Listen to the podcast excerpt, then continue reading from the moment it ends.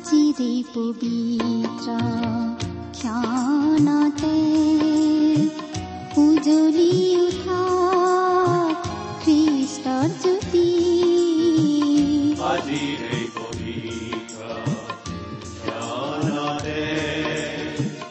উজলি উঠা খ্ৰীষ্টৰ জ্যোতি আকাশ বতাহ মুখৰিত কৰি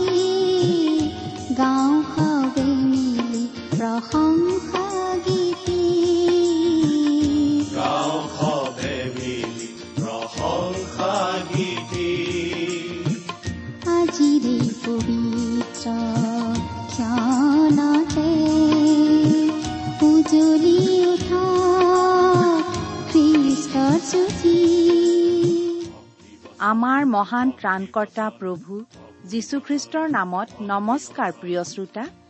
এয়া মুকলি কৰিবলৈ লৈছো বাইবেল অধ্যয়নৰ ধাৰাবাহিক অসমীয়া অনুষ্ঠান ভক্তি বচন। প্ৰতি মহান প্ৰণাম তোমাৰ গ্ৰহণ কৰাই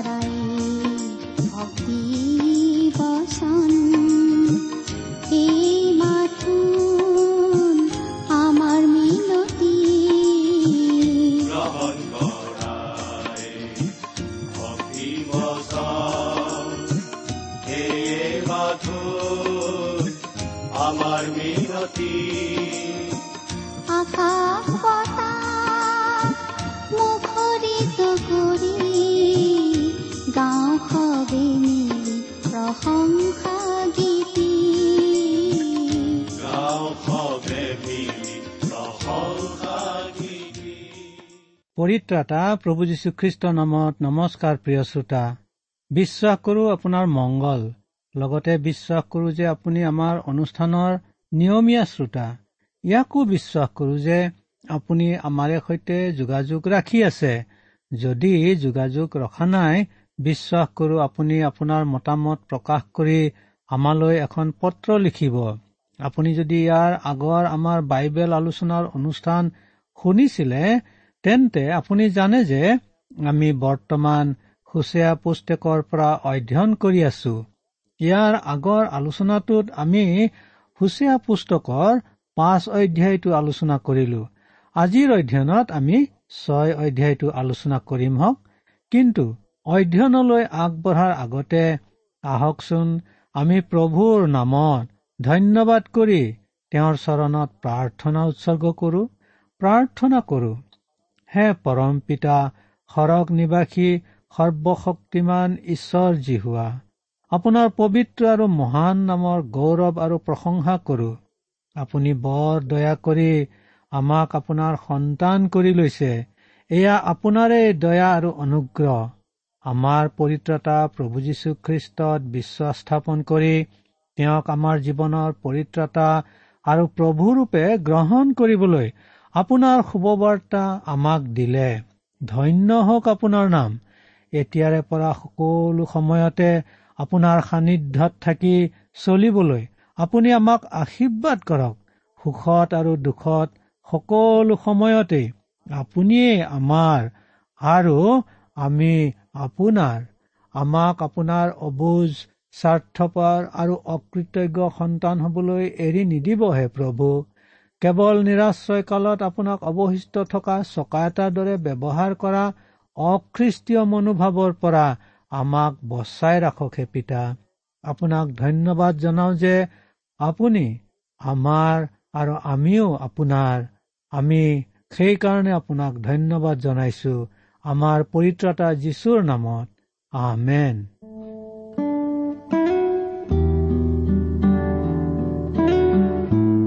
আহক প্ৰিয় শ্ৰোতা। এতিয়া আমি হুচেয়া ছয় অধ্যায়টো পাঠ কৰো হওক। আপোনালোক যিসকলৰ হাতত সম্পূৰ্ণ বাইবেলখন আছে নশ চৌৰাশী আৰু নশ পঁচাশী পৃষ্ঠাত অধ্যায়টো উলিয়াই লওক। যিসকলৰ হাতত বাইবেল নাই পাঠ কৰি যাওঁতে মনোযোগেৰে শুনি যাওক। এয়া পাঠ কৰিছো বলা আমি জিহুৱালৈ ঘূৰি যাওঁ কাৰণ তেওঁ বিদাৰিলে আৰু তেওঁ আমাক সুস্থও কৰিব। তেওঁ প্ৰহাৰিলে আৰু তেওঁ আমাৰ ঘাঁ বান্ধিব। দুদিনৰ পাছত তেওঁ আমাক পুনৰাই জীয়াব। তৃতীয় দিনা তেওঁ আমাক তুলিব। তাতে আমি তেওঁৰ সাক্ষাতে জীয়াই থাকিম। আহা আমি জিহুৱাক জানো হওক। তেওঁক জানিবলৈ তেওঁৰ অনুগামী হওঁ হওক। তেওঁৰ উদয় অৰুণোদয়ৰ নিচিনা নিশ্চিত।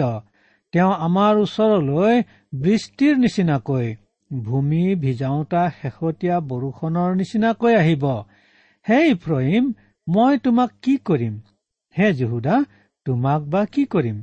কিয়নো তোমালোকৰ প্ৰেম ৰাতিপুৱাৰ মেঘৰ নিচিনা আৰু সোনকালে নাইকিয়া হোৱা নিয়ৰৰ নিচিনা। এইকাৰণে মই ভাওবাদীৰ দ্বাৰাই তেওঁবিলাকক কাঠ চচা দি চচালো। মোৰ মুখৰ বাক্যেৰে তেওঁবিলাকক বধ কৰিলো। আৰু তোমালৈ কৰা দণ্ডাজ্ঞাবোৰ চকমকীয়া বিজুলীৰ নিচিনা হব। কিয়নো মই বলিদান বাঞ্ছা নকৰো দয়াহে বাঞ্ছা কৰো। আৰু হোম বলিতকৈ ঈশ্বৰ বিষয়ক জ্ঞান অধিক বাঞ্ছা কৰো। কিন্তু আদমৰ নিচিনাকৈ তেওঁবিলাকে নিয়মটি ভংগ কৰিলে সৌ তাত তেওঁবিলাকে মোৰ বিৰুদ্ধে বিশ্বাসঘাতকতা কৰিলে। গিলিয়ত অধৰ্মচাৰীবোৰৰ নগৰ। তাত তেজৰ দাগ আছে। মানুহলৈ খাপ দি থকা ডকাইতৰ দলৰ নিচিনাকৈ পুৰোহিত দলে ছিকিমলৈ যোৱা বাটত মানুহক বধ কৰে। এনেকি তেওঁবিলাকে অতি কুচিত কাৰ্য কৰে। মই ইছৰাইলৰ মাজত নোম শিঁয়ৰি যোৱা কাৰ্য দেখিলো। সৌ তাত ইফ্ৰহিমত বেচা কৰ্ম চলিছে। ইছৰাইল অসুচী হল। আৰু হে জিহুদা মই মোৰ প্ৰজাবিলাকৰ বন্দী অৱস্থা পৰিৱৰ্তন কৰা সময়ত তোমাৰ নিমিত্তেও শস্য দোৱা সময় নিৰূপিত হৈছে। প্ৰিয় শ্ৰোতা আপোনালোকে যিসকলৰ হাতত বাইবেল আছে সেইসকলে চাওক যে আমাৰ অসমীয়া বাইবেলখনত হুচেয়া ছয় অধ্যায়টোৰ মূল কথাখিনি ইছৰাইলৰ ভাৱস্বৰূপ মন পালটন বুলি লিখা হৈছে। অৰ্থাৎ ইছৰাইলৰ সন্তানসকলে মন পালটন কৰিছে ঠিকেই কিন্তু সেই মন পালটন বৰ অস্থিৰ আৰু অস্থায়ী আছিল। এক পদত জাতিটোৰ মন পালটনৰ কথাখিনি চাওক। বলা আমি জিহুৱালৈ ঘূৰি যাওঁ। উত্তৰ ৰাজ্যৰ ইছৰাইলৰ সন্তানসকলক ঈশ্বৰে শেষবাৰলৈ আহ্বান দিয়াৰ সঁহাৰি ৰূপে ইছৰাইলে এই সিদ্ধান্ত লৈছে। তেওঁলোকে সিদ্ধান্ত লৈ যি কথা ঘোষণা কৰিছে তাত সেই কথাও প্ৰকাশ পাইছে যিটো শেষৰ কালত ঘটিব। অৰ্থাৎ ঈশ্বৰে যদিও তেওঁলোকক বিদাৰিছে তথাপি শেষকালত যেতিয়া তেওঁলোক তেওঁলোকলৈ ঘূৰিব তেতিয়া তেওঁলোকক সুস্থ কৰিব। ইয়াৰ পৰা আমি এই শিক্ষা গ্ৰহণ কৰিব পাৰো যে দেশ বা লোক যি দেশ বা যি লোকেই নহওক কিয় যদি সেই দেশ আৰু লোকে পাপ কৰে তেন্তে সেই পাপ ঈশ্বৰৰ বিনা অগোচৰে পাৰ নহয়। সেই দেশ আৰু সেই লোক খ্ৰীষ্টীয় দেশ বা খ্ৰীষ্টীয় লোকো হ'ব পাৰে। আৰু সেই দেশ আৰু সেই লোকৰ আনকি ঈশ্বৰৰ বচনো থাকিব পাৰে। কিন্তু যদি পাপ কৰে খ্ৰীষ্টীয় দেশ বা খ্ৰীষ্টীয় লোক ঈশ্বৰৰ বচন থকা লোক বা ঈশ্বৰৰ বচন নথকা লোক সকলোৰে একে অৱস্থা হ'ব। সেই কথাত সকলোৱে ধৰা পৰিব। ধৰা হ'ব পাপ কৰাৰ কথাত। যি প্ৰাণে বা যি দেশে পাপ কৰে সেই প্ৰাণ বা সেই দেশ জৰুৰ সুদবিচাৰৰ সন্মুখীন হ'ব। দুই পদৰ তৃতীয় দিনা তেওঁ আমাক তুলিব বোলা কথাষাৰ মন কৰিবলগীয়া কথা। প্ৰভু যীশু খ্ৰীষ্টৰ পুনৰুত্থানৰ সংক্ৰান্ততে এইটো মন কৰিবলগীয়া কথা। ইছৰাইলীয় আৰু ইছৰাইলীয় সকলোৰে পাপৰ বাবেই তেওঁ মৃত্যুবৰণ কৰিছিল আৰু মৃত্যুৰ পাছত তৃতীয় দিনৰ দিনা তেওঁ পুনৰ জি উঠিছিল। তেওঁ যেতিয়া অৰ্থাৎ ঈশ্বৰে যেতিয়া ইছৰাইলৰ সন্তানসকলক শেষবাৰৰ নিমিত্তে স্বদেশলৈ ঘূৰাই লৈ আহিব আৰু গোটেই জাতিটোকে নিজলৈ আকৰ্ষণ কৰি চপাই ল'ব তেতিয়াও পুনৰুত্থানৰ এই কথাটো খাটিব। কাৰণ যিহেচকেল সাতত্ৰিশ অধ্যায়ত সেই দিনটোক জাতিটোৰ পুনৰুত্থানৰ দিন বোলা হৈছে। সেই পুনৰুত্থানৰ দিনটো প্ৰভু যীশুখ্ৰীষ্টৰ পুনৰুত্থানৰ ভিত্তিতেই অৰ্থপূৰ্ণ। কাৰণ যিসকল লোকে সেই পুনৰুত্থান বিশ্বাস কৰিব তেওঁলোকৰ বাবে সেই পুনৰুত্থানতে মুক্তি আৰু ধাৰ্মিক গণিত হোৱা বিষয়সমূহ নিহিত আছে। যি মুক্তি আৰু ধাৰ্মিকতাই বিশ্বাস কৰাজনৰ সৈতে ঈশ্বৰৰ সম্বন্ধ গঢ়ি তুলিব।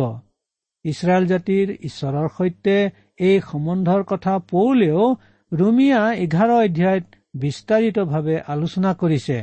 আজিৰ আমাৰ দিনতো ঈশ্বৰে ইছৰাইলীয় আৰু অ সকলো দেশ সকলো জাতি আৰু উপজাতিৰ পৰা মণ্ডলীৰ যোগেদি ইচ্ছা কৰা লোকসকলক নিজৰ কাষলৈ চপাই আছে।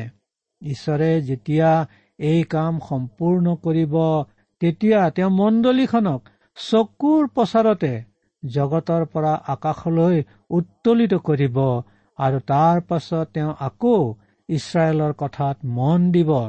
সেই সময়ত তেওঁ তেওঁলোকক পুনৰ তুলিব।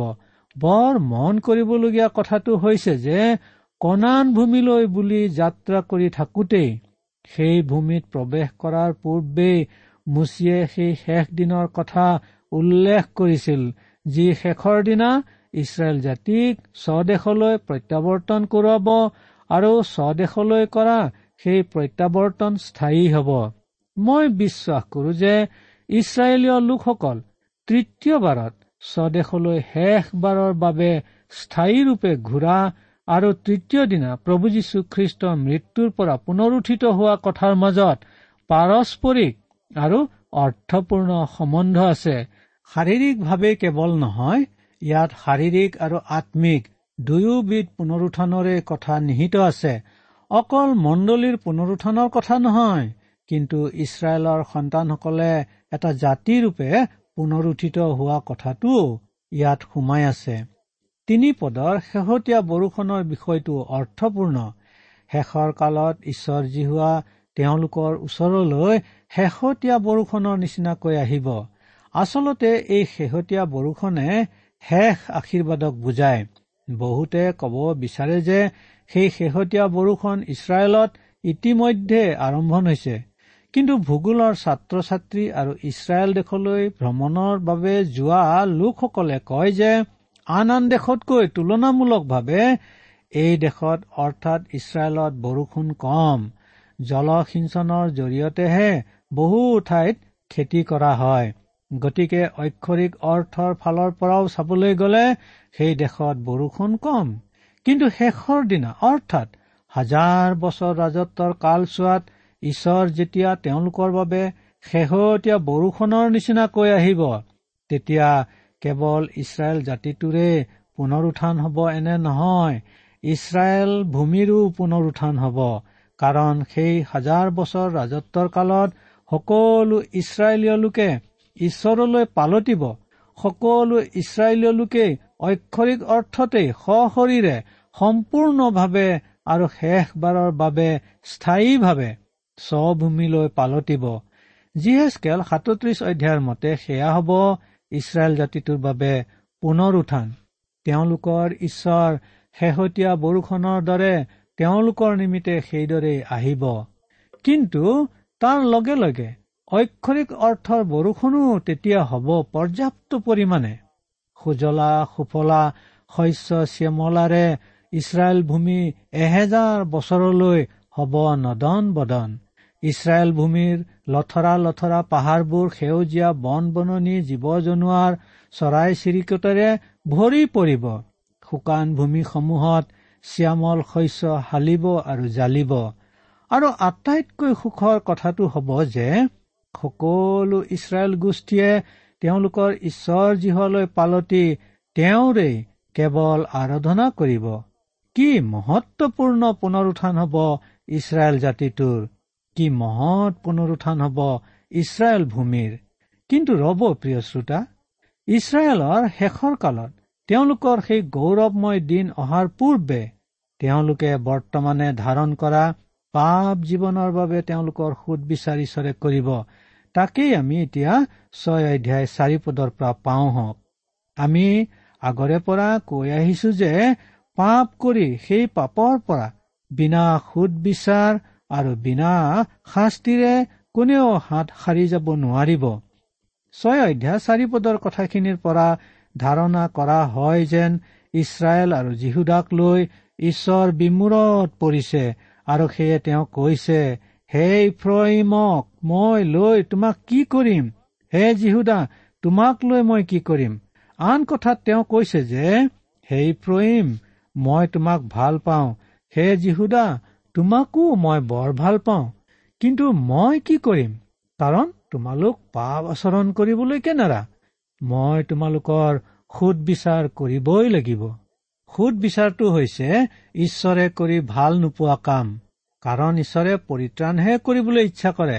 কাৰো সুদ বিচাৰ কৰি তেওঁ ভাল নাপায়। কিন্তু মানুহে যেতিয়া তেওঁৰ পৰা আঁতৰি থাকি পাপতে মজি থাকে তেতিয়া তেওঁ সুদ বিচাৰ নকৰাকৈও থাকিব নোৱাৰে। আজি আমাৰ বহু ধৰ্ম আছে। আমাৰ ধৰ্মৰ সম্প্ৰদায়ো আছে কিন্তু নাই ঈশ্বৰ বিষয়ক জ্ঞান। ধৰ্ম আৰু সাম্প্ৰদায়িকতাই মানুহৰ মানসিক সামাজিক নৈতিক আৰু আধ্যাত্মিকতাৰ প্ৰয়োজনীয়তা অকণো পূৰ্ণ কৰিব পৰা নাই। কাৰণ ধৰ্মৰ যোগেদি মানুহে নিজে ঈশ্বৰৰ অনুসন্ধান কৰে। সসীম মানুহে অসীম ঈশ্বৰক বিচাৰি পাব ইচ্ছা কৰে আৰু তেওঁলোকে চেষ্টা কৰে বাওনা হৈ চন্দ্ৰক ঢুকি পাব খোজে। অসীম ঈশ্বৰহে সসীম মানুহক বিচাৰি যাব লাগে তেতিয়াহে মানুহে ঈশ্বৰৰ সন্ধান লাভ কৰে। আজিৰ পৰা দুই হাজাৰ বছৰৰ পূৰ্বে আমাৰ পৰিত্ৰতা প্ৰভু যীশুখ্ৰীষ্টৰ জৰিয়তে সেই কামকেই ঈশ্বৰে জগতৰ সহিম মানুহৰ কাৰণে কৰিলে। ধৰ্ম ধৰি চেষ্টা কৰি চোৱাৰ পৰিৱৰ্তে মানুহে আজি যীশুখ্ৰীষ্টক ধৰি জীৱনৰ অমুক পৰিৱৰ্তন লাভ কৰা উচিত। ইছৰাইলীয় লোকসকলো বৰ ধৰ্মীয় লোক আছিল। কিন্তু হুচিয়াই কৈছে যে তেওঁলোকৰ মৰম ভাল পোৱাখিনি হলে আকাশৰ চঞ্চল মেঘ আৰু ৰাতিপুৱাৰ নিয়ৰ সদৃশ আছিল। অতি অস্থায়ী আৰু অতি কৃত্ৰিম। সেয়াই ধৰ্মীয় মৰম চেনে আৰু সেয়ে অকৰ্মণ্য অনৰ্থক মৰম চেনে আৰু ভাল পোৱা। তেনে ভাৱৰীয়া কপটীয়া আৰু গৰ্বী মতলবী ধৰ্মীয় নেতাসকলক বগাকৈ লিপা কবৰস্থানৰ সৈতে তুলনা কৰি প্ৰভু যীশুৱে গৰিহণা দিছিল। আপোনালোকে সেই কথা জানে। ছয় অধ্যায় পাঁচ পদত আমাৰ অসমীয়া বাইবেলত যিটো কথাত তেওঁলোকক কাঠ চচা দি চচালো বুলিছে সেইটো আন ভাষাৰ বাইবেলত তেওঁলোকক জীয়াই জীয়াই ছাল চেলিয়ালো বুলিহে আছে। আজিও আমি সেইটো কৰিব পাৰো আৰু তাকে কৰিব পাৰো। ঈশ্বৰৰ বচন যেনে আছে যেনেদৰে কৈছে তেনেদৰে প্ৰচাৰ কৰি। ঈশ্বৰৰ বচন প্ৰচাৰৰ দ্বাৰাই আমি বহু কপটীয়া বহু ভাৱৰীয়া আৰু গৰ্বী লোকৰ ছাল চেলিয়াই জীয়াই জীয়াই তেওঁলোকৰ ছাল চেলিয়াব পাৰো। পেটত পেলু হলে চিকিৎসকে তিতা বৰি সেৱন কৰিবলৈ দিয়ে।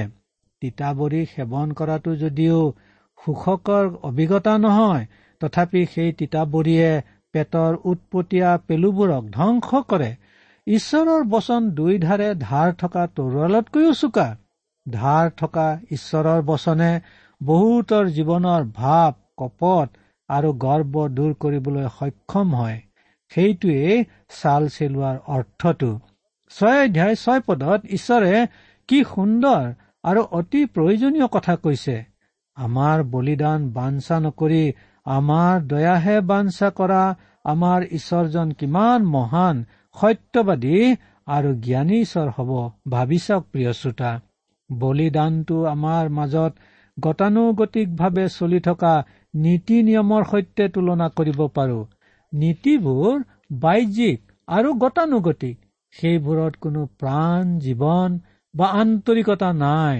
আপোনালোকৰ এই অযোগ্যই বহু সময়ত লক্ষ্য কৰো যে কোনো কোনো লোক আছে যিসকলে সভাই সন্মিলনে শুওঁতে উঠোতে ওলাওঁতে সোমাওঁতে বৰকে প্ৰাৰ্থনা কৰে। মোৰ কেতিয়াবা সন্দেহ হয় সেইবোৰ বাস্তৱিকতে তেওঁৰ ব্যক্তিগত জীৱনৰ আচৰণ নে সভা সন্মিলনত নিজকে ঈশ্বৰ ভক্ত দেখুৱাবৰ বাবে একোটা ভেকু ভাওনা মাথোন।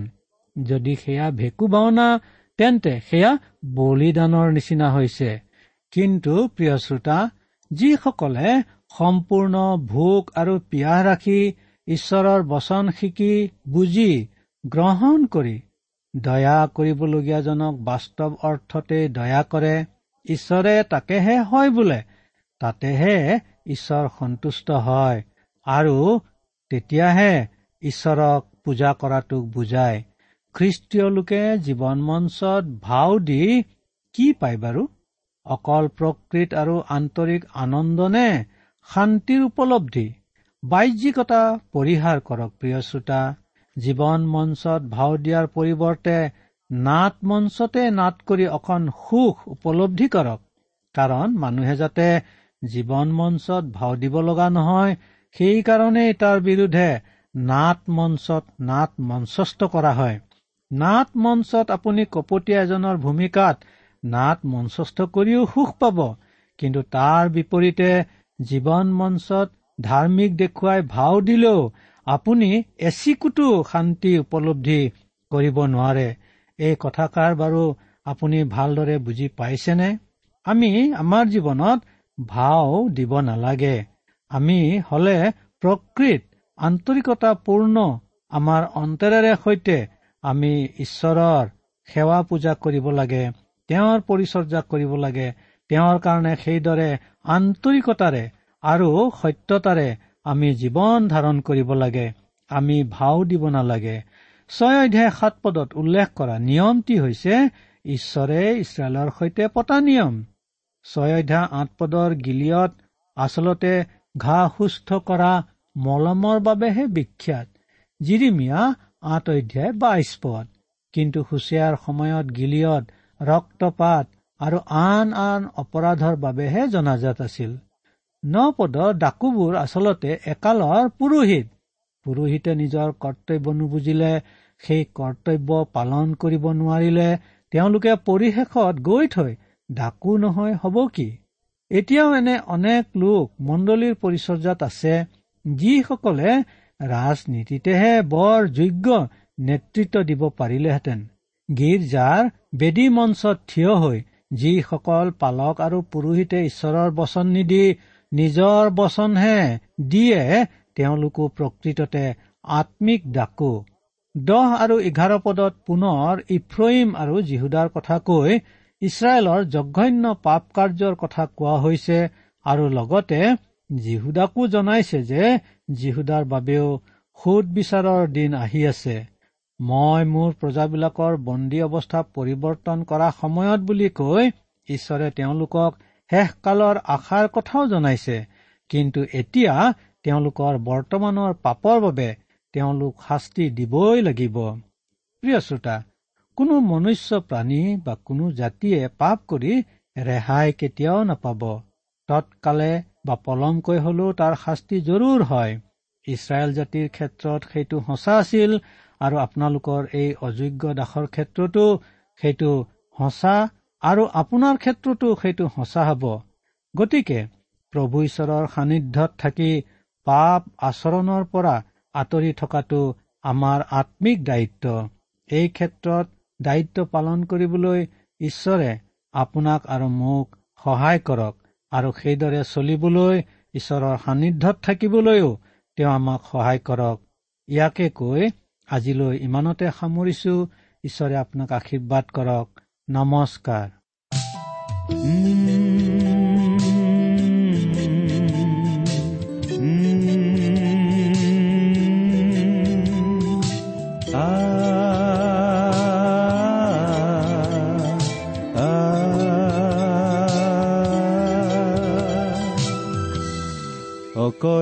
আহিছো মই অকলে যাম অকলে আহিছো অকলে যাম গৈ। দুদিনীয়াই জীৱন নাত সামৰি থৈ অবিন। দুদিনীয়াই জীৱন নাত সামৰি থৈ অবিন। অকলে আহিছো অকলে যাম গৈ অকলে আহিছো অকলে যাম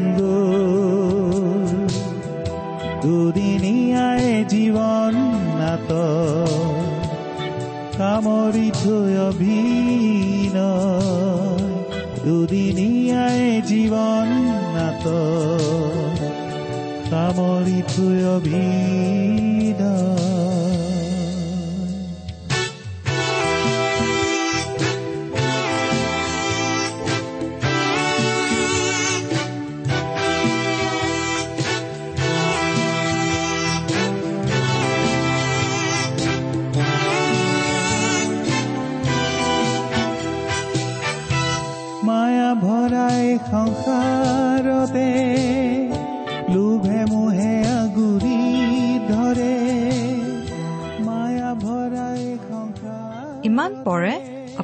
ভক্তিবচন অনুষ্ঠানটি শুনিলে।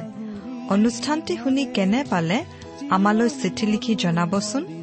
অনুষ্ঠানত প্ৰচাৰ কৰা কোনো কথা বুজিব লগা থাকিলেও আমালৈ লিখক। আমাৰ ঠিকনা ভক্তিবচন টি ডাব্লিউ আৰ ইণ্ডিয়া ডাক বাকচ নম্বৰ সাত শূন্য গুৱাহাটী সাত আঠ এক শূন্য শূন্য এক। ঠিকনাটো আৰু এবাৰ কৈছো ভক্তিবচন টি ডাব্লিউ আৰ ইণ্ডিয়া ডাক বাকচ নম্বৰ সাত শূন্য গুৱাহাটী সাত আঠ এক শূন্য শূন্য এক। আপুনি ইমেইল যোগেৰেও আমাৰ সৈতে যোগাযোগ কৰিব পাৰে। আমাৰ ইমেইল আইডিটো হৈছে Assamese T TV at radio' eight eight two dot com আইডিটো আকৌ এবাৰ কৈছো। Assamese T TV at radio' eight eight two dot com আপুনি টেলিফোনৰ মাধ্যমেৰেও আমাক যোগাযোগ কৰিব পাৰে। আমাৰ টেলিফোন নম্বৰটো হৈছে শূন্য তিনি ছয় এক দুই ছয় শূন্য চাৰি ছয় সাত এক। ফোন নম্বৰটো আকৌ এবাৰ কৈছো zero' three six one two six zero' four six seven one. আজিৰ অনুষ্ঠানটি ইমানতেই সামৰিছো। ঈশ্বৰৰ শান্তি আৰু অনুগ্ৰহ আপোনাৰ লগত থাকক। ধন্যবাদ। লোভে মোহে আগুৰি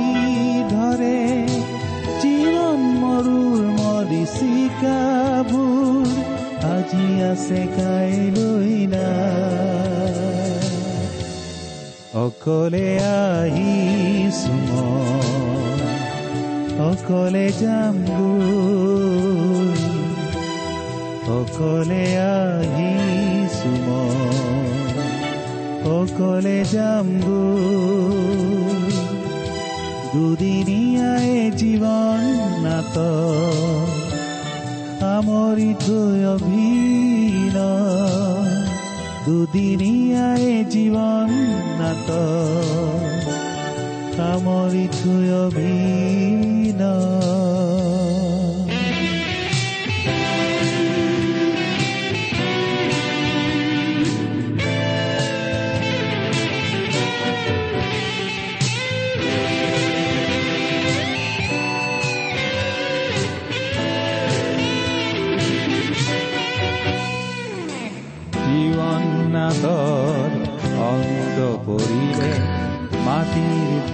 দেহাতি মাটিতে মিলিলে জীৱন নাটৰ অন্ত পৰিলে মাটিৰ দেহাতি মাটিতে মিলিলে ধনৰ টুকুলা বিলাসী বহলা ধনৰ টুকুলা বিলাসী বহলা যাম সকলোকে